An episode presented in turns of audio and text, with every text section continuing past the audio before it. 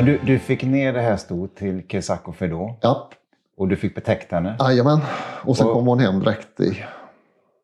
Och eh, vi fick en hingst efter Kesako Fedor då. Och den var lite liten. Och man var lite orolig. Och ja, det var... Hon fölade ni- 2008. Så det är ju rätt så... Ja, det är ju 12 år sedan så det är så nära är det ju inte. Men och hon fölade där och eh, det året då fick vi, vi har aldrig fått så många fölungar förr eller senare. Då fick vi fem föl. Okej. Och den planen då, det var att vi skulle bara, vi skulle bara använda hingstar som kostade max 30 000. Och jag tror jag fick Kesako Fedor för just 3 000 euro.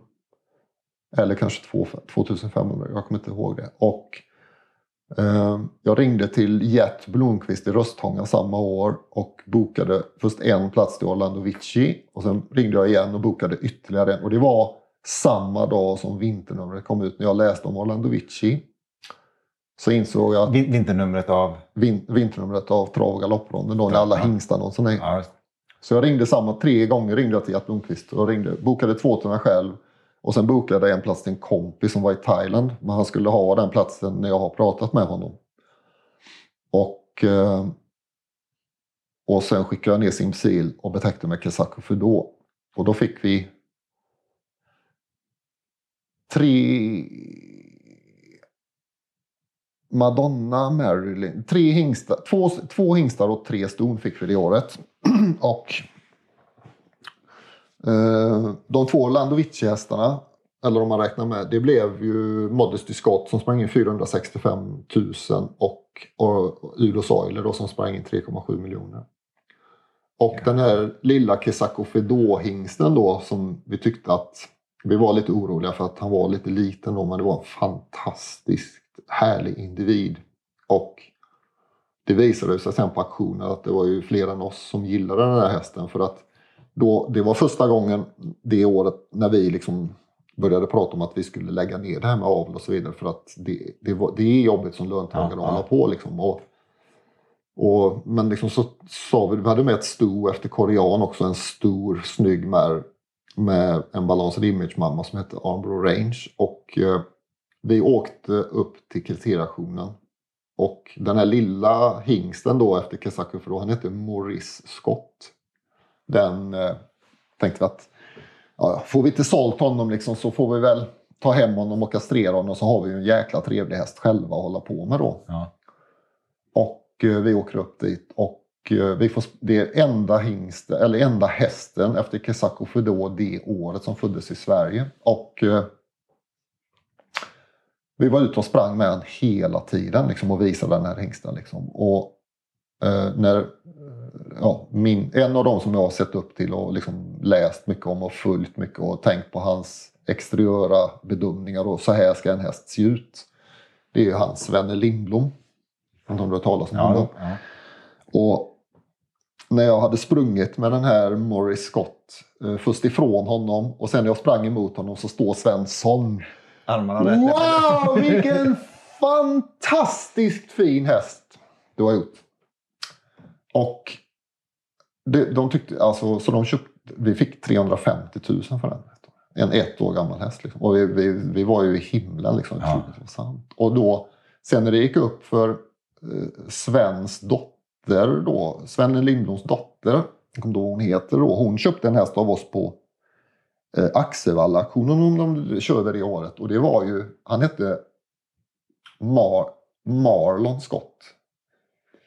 Och det var ju också en sån där fantastisk, enligt deras modell, Ja. C-hästen. Han fick ju exceptionell eh, manke och, och liksom massvis med tre. Han fick jättebra siffror då. Och det vart ju Udo Soiler då som sprang in 3,7 miljoner. Men när hon, Anna Lindblom tror hon heter, hon, när, hon liksom, när det gick upp för henne att vi hade fått upp båda dessa hästarna som de hade köpt. Så, som mina, herregud, föder man upp två så fantastiskt fina hästar på fem avkommor då vet man fan med vad man gör alltså. Så det, och det är ju också en sån där grej som man tar med sig. Liksom att, Fan, nu har man fattat någonting. Liksom att det är ju så här det ska se ut. Och tyvärr då så den där dyringen då, Morris Scott, det krånglade mycket för honom. Jag, han tog två raka i debuten men sen var det ju alltså massvis med sjukdomsbilder och eh, senskada och en del andra. Men, Det vet man ju aldrig liksom, när de kommer Nej. ut i den här biten. nej. Du nämnde vid ett tillfälle en olycka. Ja. Eh, det var ju 2001 då när jag arbetade med det här med vattenskärning och vattenblästring då. Så bara något år innan så, ja, det, kan, det är också en, en travgrej då. Jag ville ju satsa på det här med travston och travhästar och, liksom, och, och köpa fina hästar. Så jag, jag slutet av, 90 jag tror det var 1999 eller sånt där, då köpte jag i USA ett eh, sto efter Speedy Crown och Modern Yankee då alltså en helsyster till våran avelsnitt här i Sverige. Smoking Yankee, Elithingst och Must Be Rambo, det var en enorm syskonskara. Och eh, så då köpte vi Yankee Nanny hette hon. Eh, föll vid sidan efter Mr Vick, dräktig första kullen efter Conway Hall och jag tog lån 300 000. Jag köpte det här paketet då. Och eh, i samband med vaccinationen och då inför flygresan så kastade Yankee Nanny tyvärr ett storfoster då efter Conway Hall. Åh fan. Så de kom ju hem tom då, men med den här Mr Wickmara då. Men då hade jag ju det där lånet då liksom och sen, ja, vi betäckte ju henne ändå med eh, vi betäckte med uh, Julian och Star och tog sig inte och vi betäckte med en frysing som stod på Åsa som jag just nu inte kommer ihåg namnet på ens men det kommer snart. Och vi kämpade ju på med henne här hemma då men tyvärr då så efter några säsonger så eh, föll hon i eh, Star, Staffan Star och Nilssons hästlastbil och bröt benet så illa så vi fick avlägga henne då. Så det var ju sorgligt. Ja. Och den satsningen, det, det vart ju inte något jättelyckosamt då. Men eh, jag jobbade ju på med mitt, eh, det här med vattenskärning och vattenblästring och eh, eh, den 5 september 2001 så skulle vi åka ut till Värö bruk och jag och min kollega då och vattenblästra en vitlutsoxidator. Så det, det är ganska mycket skyddsutrustning och sånt där som tillkommer i de här arbetena. Då. Och, eh, vi hade, det var lite roligt för så här i efterhand då för att på morgonen där så frågade våran chef då om vi hade inventerat våra förbandsgrejer och förbandsväskor och så vidare. Så vi, vi hade ut det lite snabbt. Både, vi hade första förband i hytten och sen hade vi en stor förbandsväska på flaket. Eh, det är ett, alltså ett stort aggregat som åker på en lastbil då med fast monterat med en dieselmotor och den här högtryckspumpen. Liksom. Så Ja. det tar ju upp ett helt lastbilsskåp. Då. Och, Mm. eh, Så det var inventerat det och så frågade chefen då Mats om eh, vi hade så mycket att göra just då så att eventuellt då om jag kunde jobba över. Jobb, eller jobba helgen som kommer då. Ja. Och jag kommer inte ihåg vilken dag, veckodag den här 5 september 2001 var. Men vi åker ut till Väröbruk och riggar upp. Och det är ju liksom stora ja, pistoler med roterande dyser och det är en ganska omfattande grej när man ska köra med det här. Liksom. Och, alltså 2700 kilos vattentryck, det kräver respekt. Och det, Ja.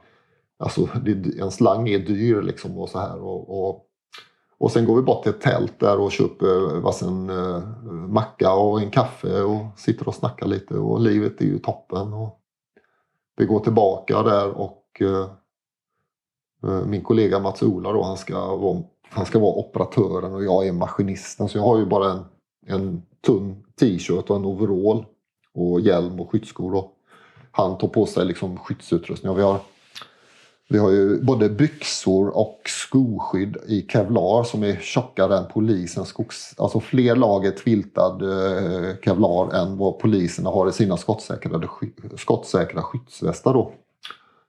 Eh, så han tar ju på sig alla de här skydden och så vidare. Och, jag har ju bara min overall där för Ja. jag ska ju liksom vara utanför. Då. Och så har vi en stor tryckluftsdriven evakueringstratt. För det blir ju vattenång och sånt där då. Så att det, det, det, som man sätter in där så blåser den in tryckluft då så att man cirkulerar luften fortare. Då. Och han börjar köra där inne och ja, efter 5-10 minuter då så vill han någonting för då är han liksom i den här, det är bara det är en cistern så det är en sån här manlucka liksom. Ja, ja. Så han är där och vinkar så jag Vi trycker ner en nödstoppsknapp och så går jag och pratar med honom liksom. Och, och, vad är det liksom? Och, och, och, så jag kör ju in huvudet för det är sånt liv. Och, och, och så säger han någonting liksom. Och när jag har huvudet där inne så är ju munstycket ner i marken eller i cisternbotten då liksom i, i kanten framför mig och då aktiveras pistolen. Och det är ju som ett vapen då, liksom då när den aktiveras så flyger den ju rakt upp liksom, och då sitter jag liksom fast i den här manluckan då så då Ja nu visar jag ju det här för dig Ja. och då träffar ju den mig här. Precis nedanför halsen, ovanför Ja, bröstbenet. ja och, det, och det, det tränger upp vatten här under huden. Så jag hade en vattenballong här på halsen. Liksom, och, Eh, så jag, jag fick ju då 2700 kilos av vatten med två knivskarpa strålar då, med det här höga trycket och eh, 960 meter i sekunden här. Så det gröper ju ur bröstbenet. Den ena strålen går mellan halspulsådern och luftstrupen och träffar den ena lungan och fyller mig med mekrenat vatten ifrån viskan då. Och den andra strålen den tränger ju upp under huden här och trasar trasas under vävnaden upp. Och, och, så det skapas en stor ballong alltså av hud då, Hela halsen på halsen här då. Och ja, jag, jag kommer så väl ihåg att oj, och det gjorde inte särskilt ont liksom. För jag slogs ju till marken naturligtvis och så upp där och så hoppas inte det blöder men det, det, wow, det är bara Ja, det forsar ju blod. Liksom. Och jag sprang runt där liksom och, och jag kommer ihåg jag sprang förbi en snubbe så jag skrek honom, åt honom att han skulle ringa ambulans. Och sen kom Mats-Ola utspringandes då och han visste exakt vad den här förbandsväskan var för att jag hade ju inventerat det på morgonen.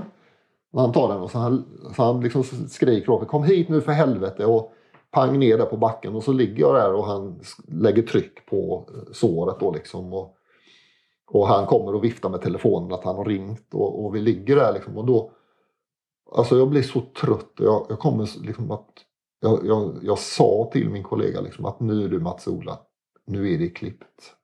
Nu somnar jag snart och sen vaknar jag aldrig. Nu blir jag rörd liksom. För Ja. jag kommer så väl ihåg. Det är som en film i huvudet liksom. Och jag talade om för Mats-Ola, jag hade en dotter som var två år. Jag kommer ihåg liksom att du måste hjälpa dem med det här och det här och du ska säga det här och det här till Madeleine.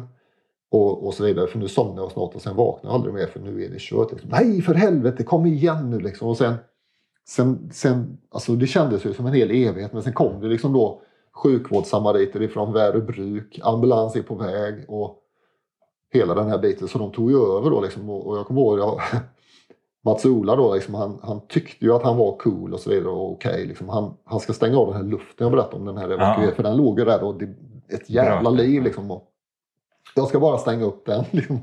Och han ställer sig upp och så tar han två steg och sen bara pang i backen. Svimmar ju han då liksom. Och han var ju helt knäckt stackaren liksom. Och, fan. Och, och, och, och vi höll på där så kom ambulansen. Tre stycken var de. Och kollade mig då liksom. Och in, jag kommer ihåg, jag svimmade inte av ingenting. Du är ihåg, vaken under hela Ja. tiden. jag var jag var jäkligt vältränad på den tiden. Alltså, jag jobbade med kroppen och åt ganska bra och försökte tänka sunt. Liksom, och, och, så jag, jag kommer ihåg, jag åker ambulans då. Liksom, jag kommer ihåg rondeller och jag vet om på Åsklosterrakan där så ger de mig morfin då för första gången. Liksom, och, fast jag vet de har en viss diskussion då för att om luft, lufttillförseln kan vara... Oj, jag slog upp mycket. Om lufttillförseln då kan vara skadad då är det tydligen inte bra att ge morfin. Man blir liksom avslappnad och då Ja. kan det fungera sämre. Och de hade en diskussion om det. Jag kommer ihåg liksom, det är jättetydligt. Och där på Åsklosterrakan då, liksom, det- det gick som fan. Och, och, och de höll i mig i rondellerna. Liksom. Och så hela tiden, nu kommer vi in till akutintaget. Det kommer att vara jättemycket folk. Du får inte bli rädd. Alla är där för att hjälpa dig. Bli inte rädd. Och de kommer att prata med dig. De kommer att ställa mycket frågor och så vidare. Det är bara att svara på det så gott du kan. Och, och vi åkte där liksom, och vi närmade oss sjukhuset. Och det enda jag fokuserade på det var min dotter Linnea. Och vi kommer in där och det bara, de klipper av overall. Min, min Levi's jättefin sån långärmad t-shirt. Den klippte de bara liksom rakt av. Av med det.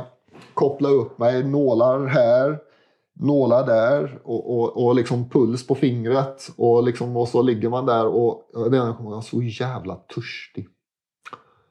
Och eh, de vågar inte ge mig någonting innan de har koll på grejerna. Då, liksom. Och, och, och, och liksom kommer in läkare. Och, vad heter du? Ja, och när är du född? Ja, 16. Och så kommer nästa. Vad heter du? Men det, det fattade jag sen. Det var ju liksom bara för någon... De vill hålla igång det? Hålla igång ja. det. Liksom. Och, och jag låg där och svarade på de här jävla frågorna och, och, och var jätterädd och ledsen. Och, och, liksom, och så kommer en läkare liksom och varför, varför gråter du? Ja, därför att jag ska dö och det vill jag inte. Och så tittar han liksom på skärmarna där och det... Ja. Och, nej, fan sa han, du dör fan inte. Så här. Nej, nej och skönt då liksom. Och så upp och så var det röntgen, helkroppsröntgen, den här magnetröntgen. Och sen var det kontrast kontrastvätska i, jag tror det var här då, i en sån CVK och så var det röntgen igen och då såg de alla inre blödningar och, och det här och även då att jag hade vatten i hela bröstkorgen och runt hjärtat och, och upp här i halsen. Och, och så kommer de liksom och eh,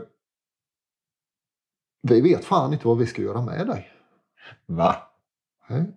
Nej, vi har, eh, vi har tagit kontakt med Sahlgrenska universitetssjukhus och de står beredda att ta emot dig. Så om det är okej okay så vill vi ge dig ett ambulanstransport till Sahlgrenska. För vi vet inte vad vi ska göra. Ja, det går bra. Och då, och då har ju min fru och Mats, då chefen, ja. kommit in där och då har jag ju morfin i kroppen och, och vet att jag inte ska dö. Så då, då, liksom, då står Mats vid fotänden och Ja, fan Mats. Du frågade ju om, om det var någon som kunde jobba helgen innan där idag på morgonen då i samband med ja. förbandsväskorna. Och, och du Mats, jag tror fan inte jag kan det alltså. ja, och så då börjar han grina. Men för helvete Christer, du kan inte säga så. Och så, ja, och så kommer de här två ambulansförarna in igen. Och då, ja vad fan gör ni här? Ja, det är ju beställt ambulanstransport så vi ska köra upp dig till Sahlgrenska. Du, jag åker fan inte med dig för du kör som en galning. Liksom. Så då, då, då, då var det ju rätt okej. Okay, liksom. och, och, det var väldigt, jag berättade en rolig historia men den, den är inte så rumsren så att jag ska berätta den så här i en podd kanske. Men eh, ja, det blev Sahlgrenska och sen vart det operation med två, två kirurger vet jag. Och de hade hållit på länge och lyft på hjärtat och, och grejat eh, och skurit upp halsen så, jag, så skulle jag ha öppna sår. Så jag hade liksom fullt med dukar då. Och sen hade jag en perforerad slang som stack ut här så de, de tvättade, de spolade såret med väteperoxid och koksalt var fjärde timme. Uh, I ett par, ja det var flera dygn faktiskt. Och så, hade jag, skulle jag, så låg jag söv med respirator då i några dygn. Och uh, Mats då igen, chefen och min hustru, de åkte naturligtvis upp till Salgrenska och mm. de min fru vet jag hon var väldigt frustrerad för hon, det var väldigt otydligt med information då var jag befann mig på hela det här stora sjukhusområdet Sahlgrenska. Och, men till slut hittade de ju då intensiven då efter operation så kom jag ner på intensiven och hon hade fått information att så skulle hållas nedsövd några dygn för de visste inte hur luftstrupen eh, om den var skadad eller inte. Nej, skulle andas med respirator för lungan var ju skadad.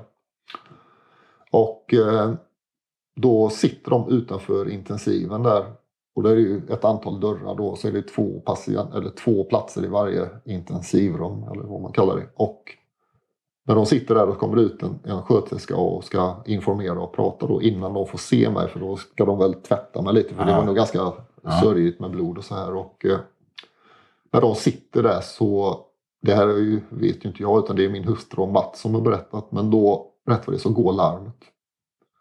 Och sjuksköterskan hon släpper allt och bara drar därifrån och rakt in där jag ligger då.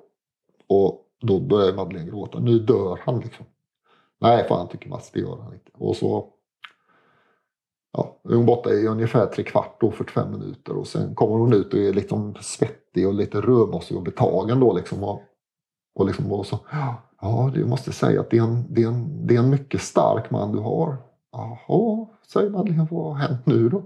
Han vaknade upp ur narkosen och satte sig upp i sängen och, och drog i respiratorslangar och allting. Liksom. Och, och han har ganska bra narkos, men han är stark alltså. Och de hade varit tre sjuksköterskor och brottat ner mig och, och fixat det här. Liksom. Och sen hade de ju fått börja om då med respiratorslang och allting. Och, Och då när Mats hör det här så nu jävlar Madde, nu är våran Krille tillbaka. Han dör fan inte. och ja, och sen, sen hölls jag söv då. Sen kom jag ner på en avdelning.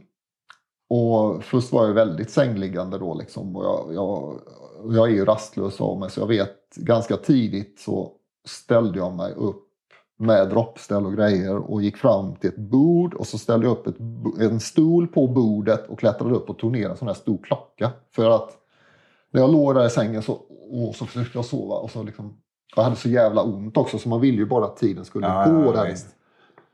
Och eh, jag tog ner den här klockan och öppnade dörren och så låg det, det var en brits utanför så jag slängde den bara där och drog täcket över den. Så jag tänkte där kan du ligga klockfan för jag orkar inte med tid liksom. För det, det var frustrerande att vara där inne liksom. Och, och, och liksom, det, alltså det var så illa så jag ville ju liksom, kunde inte ha hållit mig nedsövd i ett par veckor liksom, så jag hade vaknat upp och mått lite bättre. Men det fungerade tydligen inte så utan man var tvungen att vara med medvetande och jobba aktivt med det här. Så jag, jag fick ju ganska snart börja gå rundor då med den här droppställningen liksom på ett hjul. Då, för jag hade ju, att när blödningen väl var stoppad så var ju det livshotande för mig. Det var ju naturligtvis infektionsrisken då med det här smutsiga vattnet. Och de hade liksom, de hade liksom han förklarade då, de hade liksom flyttat på hjärtat och sugit i bröstkorgen och lungor. Och, alltså de, de fick ju sanera kroppen invändigt då. Ja. Och det här med halsen då. Och sen...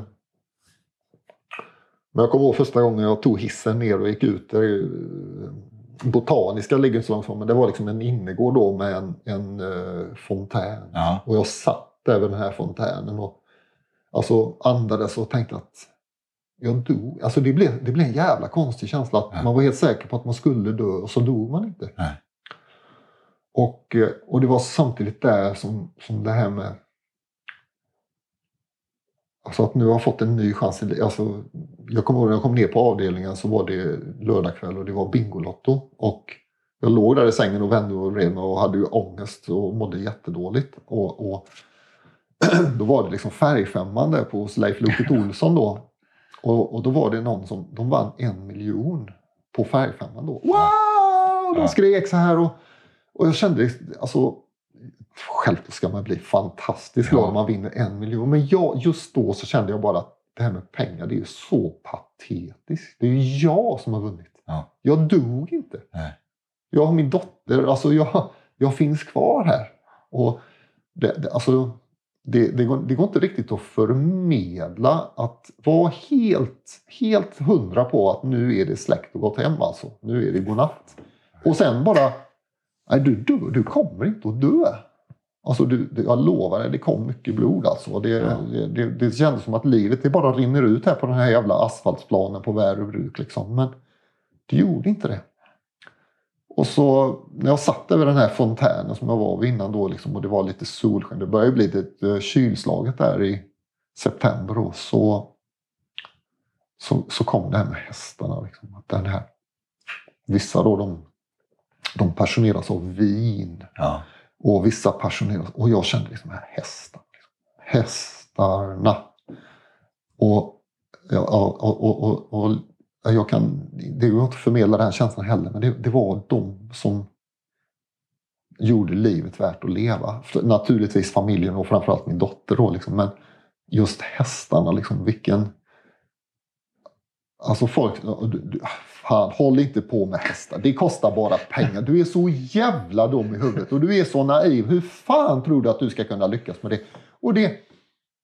Vi, alltså, vi har lyckats föda upp bra hästar men rent ekonomiskt har vi ju misslyckats för att hästarna har ju skapat ett stort fett jävla minus. Men alltså om man frånser pengarna liksom med sociala kontakter. Det jag berättade för dig om, om liksom när vi stod där när Racing Mange värmde inför derbyfinalen och ägaren blev rörd till tårar av att se sin, e- sin, sin häst Ja. värma inför ett derby. Och vi står på den här balkongen och kramas. Alltså, folk som inte har varit där, de kommer aldrig att förstå tror jag. Nej. Det går inte. Liksom. Och, och skötaren till Racing Mange, liksom, hon skickar stora hjärtan. Och liksom, Kära rara Christer, tack för att du har sett till så att Racing Mange existerar. det är du som har skapat denna individen. Liksom. Och det är stort alltså. Det, det, det, det går inte att mäta i pengar vill jag påstå. Jag, jag är ju en av dem som är okunnig. Ja. Jag känner ju till namnet och, Ja. och vet ju om man säger Ja. så. Men, men, eh, Alltså just en sån ödmjuk människa. Ja. Liksom, och, och, så när, när, när du då kommer hem därifrån med, med, med eh, vad man nu ska säga, din, din, njurna känsla om det här med, med hästarna är liksom, det är nästa steg nu. Liksom, vad, vad, sa, vad sa din fru Madeleine då? när jag kom hem ifrån eh, Sahlgrenska. Ja. Eh, jo, eh, det, det, alltså, jag har ju aldrig legat samhället till last rent eh, socialt utan jag har ju alltid jobbat och, Ja. och fraktat mig framåt själv ekonomiskt. Och det var ju den första konstiga känslan det här att vad fan ska jag göra nu? Måste jag sälja alla hästar och allting nu liksom? Ja. Och, och det kändes ju jättejobbigt. Och, eh, så de erbjöd mig eh, att samtala med en kurator på Sahlgrenska men det tyckte jag, nej det behöver jag inte. Men sen, det tog inte särskilt lång tid så jag insåg att jo, jag får nog fan prata med en kurator i alla fall då. Så, det, så vi satt och pratade om de här bitarna då som kändes jobbigt liksom. Och hon hade ju svar på allting sånt där. Att det, vi har ju fint socialt skyddsnät i Sverige och det kommer nog ordna sig. Och jag skulle inte bekymra mig så mycket. Och, och det ordnar ju sig ganska bra faktiskt. Och, eh, ehm, och nej, Madeleine hon, hon hade ju jobbat lite mindre då. Om hon hade jobbat 60 procent och jag jobbar ju 150 eller något på den här firman då. För jag jobbar otroligt mycket timmar. Och Madeleine gick ju här hemma och drog det tunga lasset då. Och, eh, men då, jag, jag fick ju liksom helt enkelt göra så mycket jag kunde. Mm. Och sen var det ju det här då som man hörde ryktas om att ja, men om du har hästar liksom, och, och, och Försäkringskassan då får du ingen ersättning och så vidare. Det var man ju jätterädd för liksom. För att Ja. det, det, det var ju... Alltså ska jag sälja hästarna för att jag ska ha rätt till sjukkassa liksom bara för att... Men vi är ju hela familjen som håller på med detta. Liksom. Ja, det var jättekonstigt. Och, men det, det är faktiskt en av anledningarna till att om du tittar på våra uppfödningar så är jag inte uppfödare till en enda häst utan det är min fru då som sköter det här och hon jobbar fruktansvärt hårt med det här. Alltså först Mm. sitt jobb och sen mocka och greja. Och, och jag är väl egentligen efter olyckan en lägenhetsmänniska. Men det skulle ju aldrig fungera för en, alltså en som inte kan sitta still att bo i en lägenhet. Liksom. Utan det här, det här med hästarna och så vidare, det är ju det som har gett mig livet tillbaka efter olyckan. Skulle jag tro. Ja, man, har, man, man kan ju inte backa 20 år snart. Det är ju 2001, det är ju 20 år nästa år. Ehm, Nej, man, kan, man, kan ju inte, man kan inte gå tillbaka men samtidigt så ser man ju liksom eh, den här livsgnistan som, som det har givit längs vägen. Och, och där kan man ju mer eller mindre räkna ut vad som hade hänt om man hade valt ett annat steg i det här läget också. Då. Ja. Så, nej, så vi satsade ju fortsatt framåt på travet och travaveln då liksom. Och, eh, vi hade ju fina fölmärrar. Vi, hade ju Yankee Nanny då liksom med Speedy Crown Blood som hade sprungit in en 700 000 som tvååring i USA. Och hon dog ju då. Sen hade vi en Balance Image undan en av världens bästa modestammar. Hon var ju efter Balance Image och direkt ner till Armbro Regina. Armbro Regina hon eh, tävlar tävlade ju mot Sutsuit och Pershing och Steve Lobel i, i Hambletonian 1976.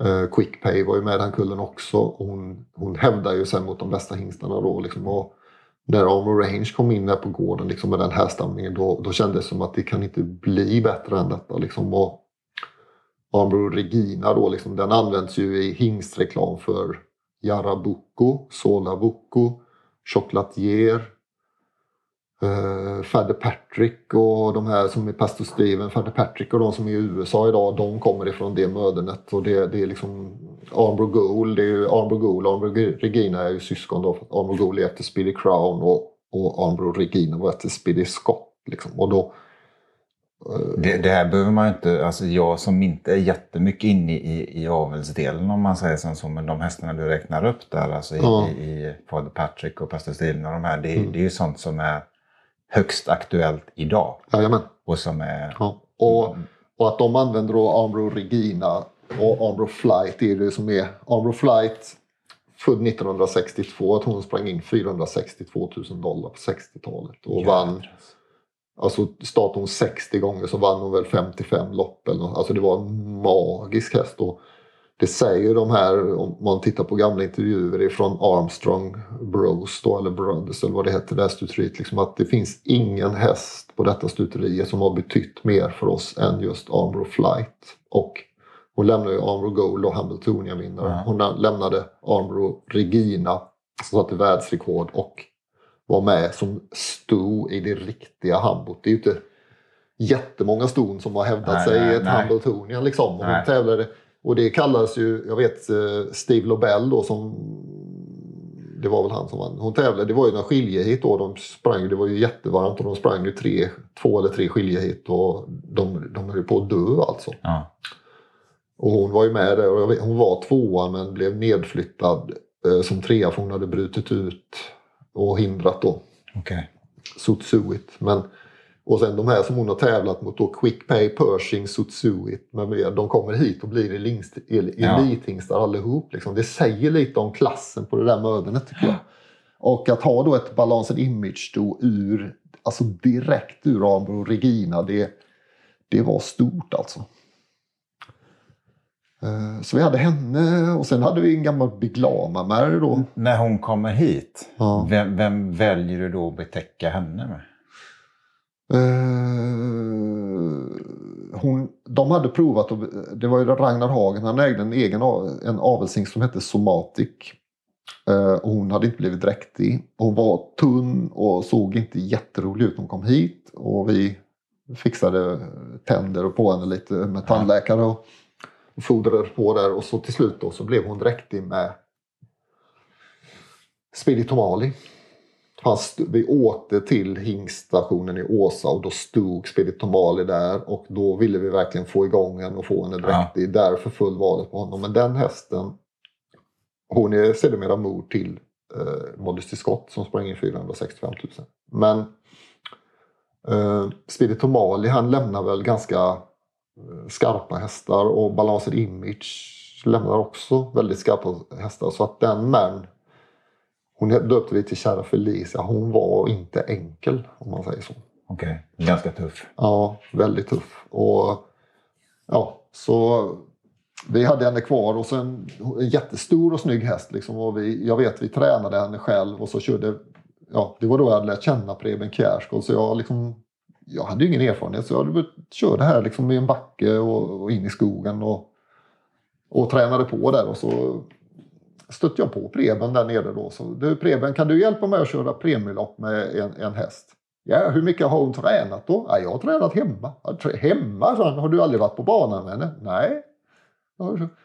Och så, ja men vad helvete. Så, ja, men så jag tog med henne ner då. Så provade han henne då. Galopperade hon när han körde lite snabbare med henne då. Men så kom han in. En jättefin häst liksom. Och den kan nog gå premielopp. Ja, men hon galopperar. Ja, men det var mitt fel. Och, och det var liksom han. Ja, jag ska dra upp käken två hål så ska du se så blir det. Så här liksom.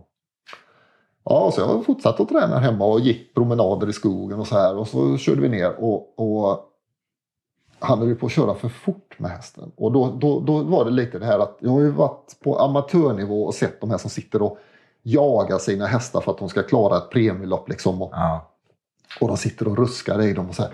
och Preben liksom, han satt med Armbro Range första avkomman, en stor snygg märr efter Spiritomali. Och, och travade, han fick hålla i då. Sen efter mål så släpper han och hon bara liksom... Och så genom kurvan och hela bortre rakan liksom så... För helvete vilken fin häst det var du! Den, fan du kan kvala i den du! Och så hur helvete har du tränat? Liksom. Han var, och alltså, så vi åkte till Åby och kvalade henne också då. Men sen, sen var det liksom om det var det hormoniella som kom igång med henne då. För sen blev hon jättebesvärlig i all hantering. Okej. Frukt, alltså hon blev alltså rent ut sagt, e- hon skadade oss inte men hon blev elak. Okej. Så det, det blev, vi, hon startade några gånger då Uh, men sen, nej. Ja, så, så stod vad fan ska vi göra med henne liksom? Och då blev det liksom att, ja vad fan, vi betäcker henne. Och då, då kände jag inte till att Orlando Vicis flesta avkommor skulle bli så lugna och timida då så att vi, men vi betäckte henne med Orlando Vici. Och det passar ju väldigt bra för att hans avkommor är ofta väldigt sympatiska och trevliga då. Ja. Och, och, så blev det den här Modesty Scott då liksom. Och hon var ju lovande, snygg häst och lovande liksom. Och jag sprang in 465 000. Sen, sen uh, gjorde vi oss av med Felicia till en flicka uppe i Gävletrakten då som skulle rida monté. Och hon var väl nästan till startklar där i monté också men då så hände det någonting och sen betäckte hon henne med någon oprövad hingst och det blev inte så bra. Och, och sen, eh, hon har två avkommor som jag inte riktigt kommer ihåg, fadershingstarna. Och sen eh, köpte de Darle Karlika. De har en av, äger en avsning som heter Walk to Walk, tror jag den heter. Marcel Hillare. Då, så sista avkomman är en hingst efter honom. Då. Sen är hon död. Så ja. vi får se om hon kan ge något mer tecken i avelsboxen. Ja. Eh, Terje Mellnäs, en, en amatörtränare som har haft en hel del framgångsrika tidiga, alltså tvåstartande hästar och så vidare. Han köpte hennes sista avkomma som heter Courtney Cox, också ett sto efter Orlando Vici och han han hade henne ute på en, en internetaktion men han säger ju liksom att jag säljer inte henne för avel för några sketpengar för det här att ha ett sto liksom efter Orlando Vici rakt ut av Arnbro Regina-stammen. Det finns inte att köpa för pengar. Och när man tittar, han hade räknat på hur många Hambletonian-vinnare det fanns runt om nu i stamträdet.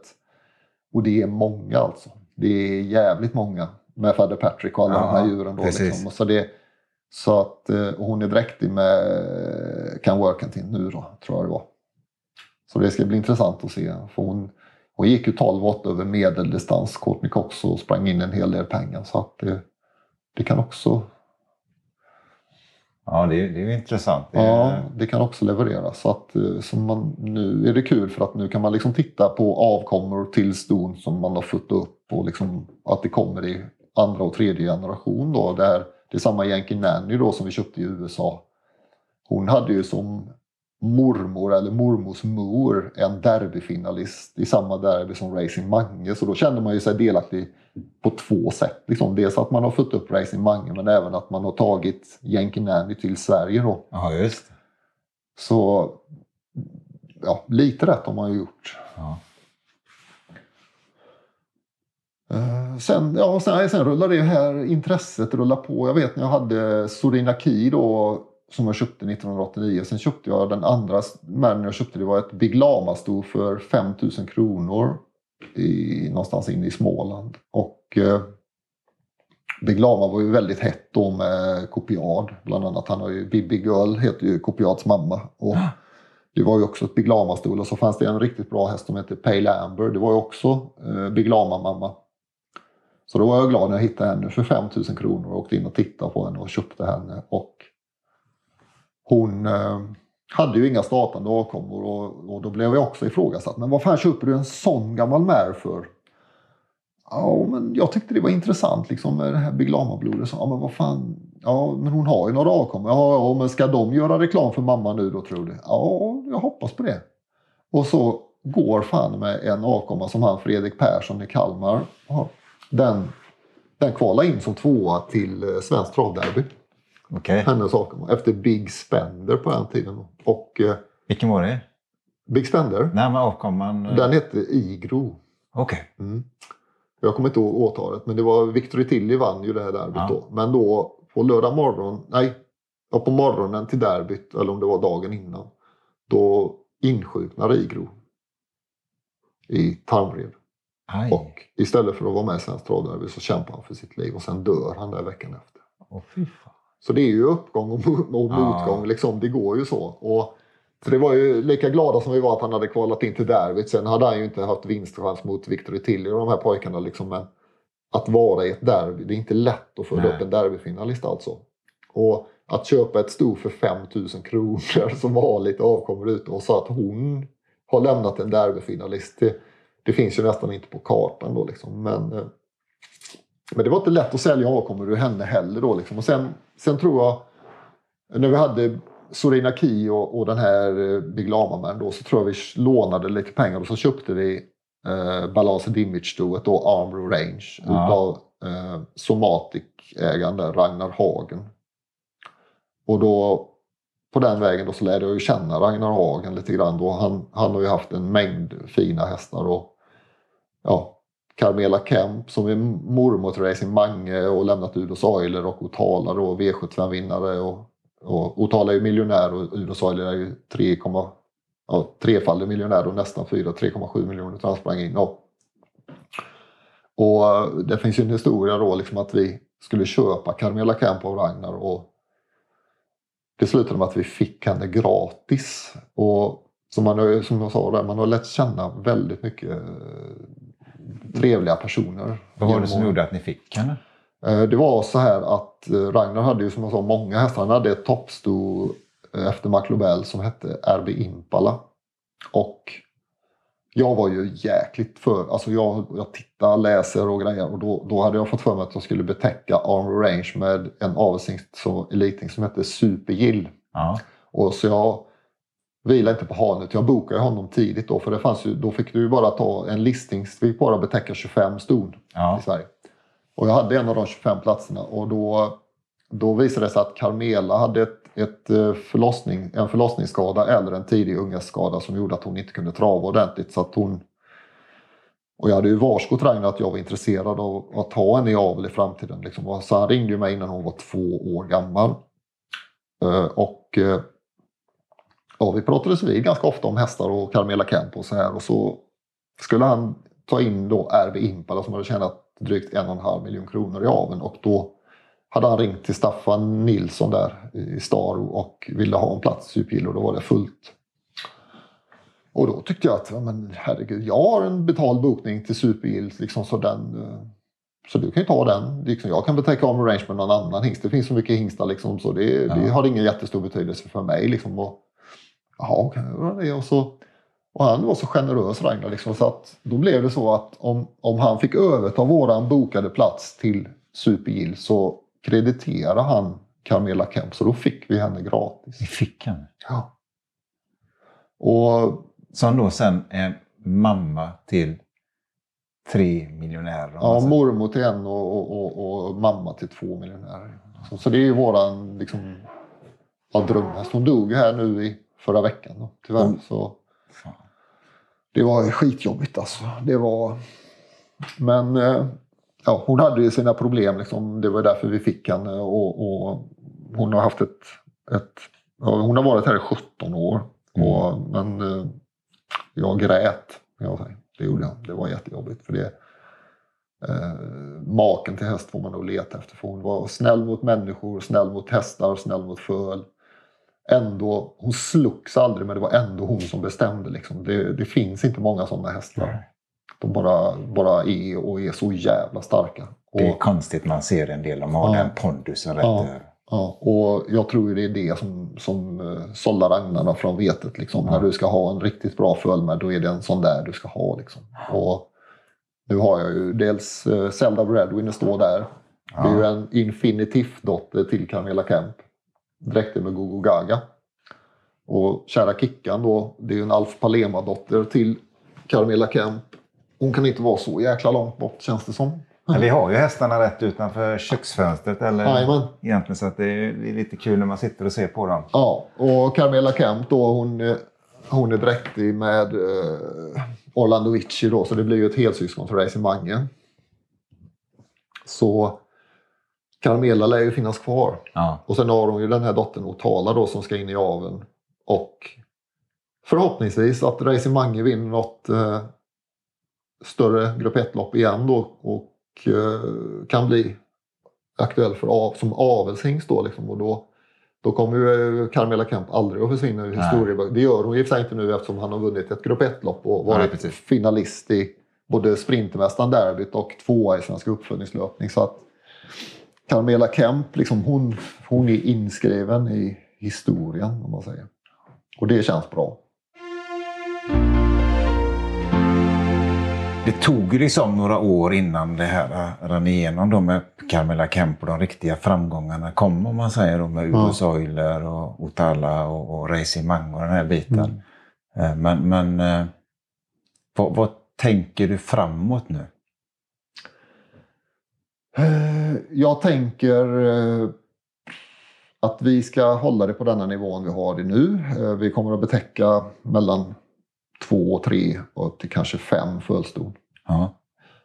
Eh, om, om vi orkar då. Och det, är liksom, det är en sak att orka rent ekonomiskt men även sen rent eh, att det ska roddas då med alla dessa föl och så vidare för att det är ju jag är ju hemma av en anledning och jag har en invaliditet på nästan 38 procent och det är jobbigt. Ja. Och min fru jobbar väldigt hårt med detta då. Men eh, någonstans liksom innerst inne så känner vi nog båda två att det är värt allt jobb. Ja.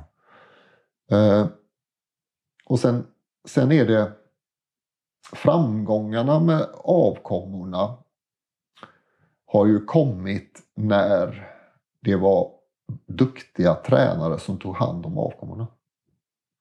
Vi har nog fått upp bra hästar hela tiden rent eh, alltså med foder och, och så vidare och seriöst.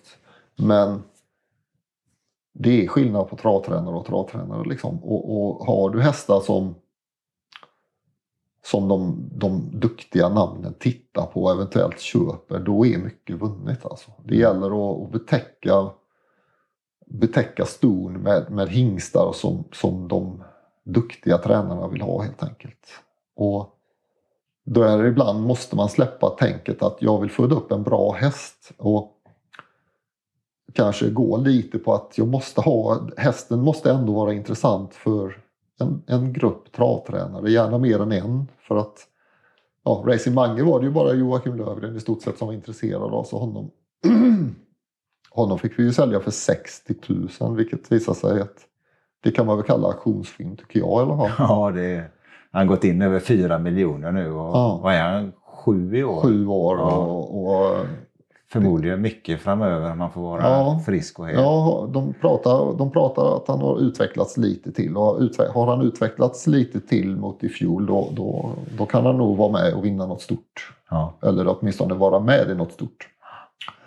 Sen är det ju mycket slumpen och löpningsförlopp och så vidare som avgör det då. Sen har jag på, ja, vi har ett Varensto också som kommer ifrån Ragnar Hagen. Och eh, hon gick 12 och 7. Hon är efter RB Impala som är... Ja. supergillhingsten som Ragnar Hagen, han betäckte med Supergill och fick en hingst efter RB Impala och han var överlycklig och så dog den. Och eh, då hade han sålt RB Impala till uh, Global Farm, då Hans Nylén. Och eftersom den dog, han skulle ha första avkomman. Ja. Och Eh, eftersom Super Gillhingsten tyvärr dog så eh, då var Air Impala dräktig med Varen. Ja. Och då blev det den hästen, eh, då blev det ett sto efter Varen och Air Impala. Då fick ju Ragnar den istället. Eller köpte, eller jag vet inte exakt hur den affären såg ut vet jag inte. Och den tävlade ju hos Roger Wahlman och sprang in 316 000 och, och gick 12 och 7. Och då när hon skulle till avel då ringer Ragnar oss och säger vad han vill ha för henne och att han vill verkligen att hon ska komma hit till mig och Madeleine för att då behöver han inte bekymra sig om att hon inte får det bra och så vidare. och så vidare. Så vi har ju hans förtroende på det sättet. Då. Så hon kom ju hit då och var jättemager och det visade sig senare att hon hade ett, ett tandproblem då som spö, det spökar med henne fortfarande då så man får hålla efter tand. Ja, det, ja, ja. över och underkäk. Alltså en, två tänder blir det ju men det är ju egentligen en som ställer till alltihopa då. Och eh, henne betäckte vi också med en ganska okänd hingst som heter Rocklyn. Och då tänkte jag också fin häst. Och det var en Lavio-son som var tidig. Han var ute som tvååring och tjänade över en miljon och vann några lopp som tvååring. Och, eh, mamman var syster till Echo. Och Echo är ju, han har ju lämnat bra hästar här i Sverige då. Men då när man stod där med den där fina lilla Rocklin-hästen då, då blev man alltså ifrågasatt av tränare hur man tänkte när man betäckte med Rocklin. Och det, det, känns, det var lite, det var en udda känsla liksom för att om du har en, alltså talang är ju det som nedärvs mest. Och, och, det är bättre att betäcka med en häst som har varit bra direkt som tvååring än en som vinner Prix d'Amérique som åttaåring och aldrig har några meriter tidigare. Och, eh, men eh, eh, den köpte inte Jörgen Westholm men en hästägare hos Jörgen Westholm då. Och, och det visade sig vara också en extraordinär häst men tyvärr så fick den en, en skada i ett framknä så de fick operera honom. Men sen var han ute och vann. Uh, han vann debuten och, och, gjorde det ganska bra. Och sen var det problem igen och sen gick han ut och i sitt livs nionde start som fyraåring då gick han 1.12,8 över medeldistans ifrån dödens liksom. Och då vann han två raka, sen såldes han på internetauktionen. Och Jörgen Westholm fick ha kvar honom i träning men sen blev det inget. Men han vann ett, ett eh, V75-lopp, eh, ett Steyr-loppet på eh, Finlandia Ajo-dagen och slog namnkunniga hästar då. Och sen vann han Jörgen Westholms jubileumsseger. Det var den, när han tog sin 4000 seger. Då satt han bakom Ponce de Leon, så han är också lite inskriven i historieböckerna. Ja. Men eh, så det, det, det, det var också en häst långt utöver genomsnittet men den har ju inte ens tjänat en halv miljon. Liksom. Men här har ändå passerat ett, ett, ett antal bra hästar, liksom V75-vinnare och sånt där. Och sen, men sen är det ju då, det är ju, ja, och någon, an, det, det, räknas ju i pengar liksom att är de miljonärer så är de det, är punkt slut. Och det andra då att de vinner ett V75-lopp eller två, det, det ser man inte riktigt på samma sätt. Men det är inte så lätt att vinna ett V75-lopp. Alltså. Nej. Nej, det är det ju inte. Och det, det, är ju, alltså det är ju så jädra mycket tillfälligheter. För, men du berättar ju här, det är mycket skador, det är mycket sjukdomar, mm. det är mycket... Alltså de, de utsätts ju för en belastning, mm. våra travhästar. Så vi får, vi får ta hand om dem så mycket vi bara kan i det läget. Och, och, och, så att man ser ju att, att med, med liksom med den kontinuiteten som ni har haft med väldigt litet avelsmaterial och ändå nå de framgångarna så vill jag säga att det är ju, det är ju en enormt lyckad satsning helt klart. Ja. När Mange var med i derbyt och eh, Sprintermästaren, han var fyra år då, då blir det 2017 va? Mm. Han är sju år nu. Då, det året då hade vi fyra starthästar och en som inte var i startbar ålder. Och det var Udo Soiler, Ponce de Leon, Otala och Racing Mange. Och sen var det Truish. Efter Team Milk and Honey. Eh, Stoet hette Team Milk and Honey. Och eh, pappan kommer inte ihåg. Det var en fransk uppstallad son som är pappa. Och, men de, de som var i startbar ålder då. Otala vann V75-lopp på Axvalla och V86 på Åby. Pons de Leon eh, vann Eh, V75 på eh, den eh, Finlandia Ajo-dagen. Udos Euler vann eh, Maharadjas Prix d'Amérique-triumf. Och Racing Mange gick till final i Svenskt Travderby och i Sprintermästaren. Samma år då på de fyra hästarna. Och det är ju bara jag och Madeleine i stort sett som ja. vet det. Men, ja. men det, det, är ju, det är ju faktiskt en riktig fjäder i hatten att ha en sån produktion. Och det är liksom Visst, det mesta har vi att tacka Carmela för då, men även då eh, ja, Global Kynite och rock, den lilla Rocklin-hästen då, Ponce de Leon. Och, men, men det, var en, det var en liten häst, och, men en väldigt, väldigt fin häst. Eller han är en liten häst, men en väldigt fin häst. Och det är också någonting som som jag tycker är konstigt när folk ska köpa häst. Liksom att de de grottar ner sig väldigt på om hästen är stor eller liten. Alltså. Och, så, och jag har ju liksom sett eh, Commander Crew då, liksom, det var ju en stor tung häst. Liksom, men vilken fantastisk häst. Och sen kan vi ta Sveriges mest intressanta full då efter Delicious US som inte ens är 1,48. Vilken fantastisk häst det var. Och det är liksom en jättestor och en väldigt liten och båda är fantastiska travare. Och det är det igen då att att det finns fina hästar finns i alla storlekar. Ja. Men det är så lätt att säga att om en, en stor häst inte blir bra, då är det så lätt att säga att den här hästen den är för stor. Eller vice versa, den här hästen den är lite för liten. Men det handlar nog egentligen om någonting annat. Mycket sitter, mycket sitter självklart i, i huvudet Ja. hur, de, hur de tränas fram Ja, i det ja, hela. Det, det är jag också övertygad om.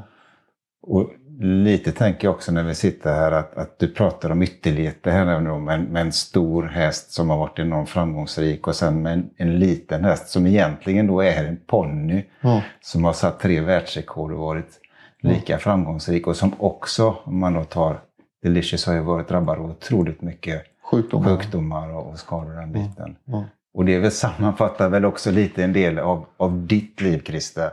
Med mycket ytterligheter Ja. och mycket, mycket eh, yttre omständigheter med olyckor och den biten och, och med, med en uppväxt som har varit. Eh, och jag tycker att det är en, en, eh, det är en bra sammanfattning att man kan lyckas rätt bra ändå. Ja. Och att man kan ta sig fram bara det sitter rätt så mycket i huvudet med vad man vill och vad man bestämmer sig för. Ja, det är, att, ju, det är ju lätt att eh, det är ju lätt att skylla sina tillkortakommanden på yttre omständigheter. Men De finns där och de Ja. är med oss, men det är lite också hur vi hanterar dem. ja, jag tycker nog det. Att, eh, jag tycker det här har varit en fantastisk stund att få sitta här och lyssna och samtala med dig Christer. Jag är- så otroligt tacksam för att jag har fått komma hit idag. Mm. Och eh, jag vill med detta egentligen bara avsluta och tacka så mycket. Ja, tack själv.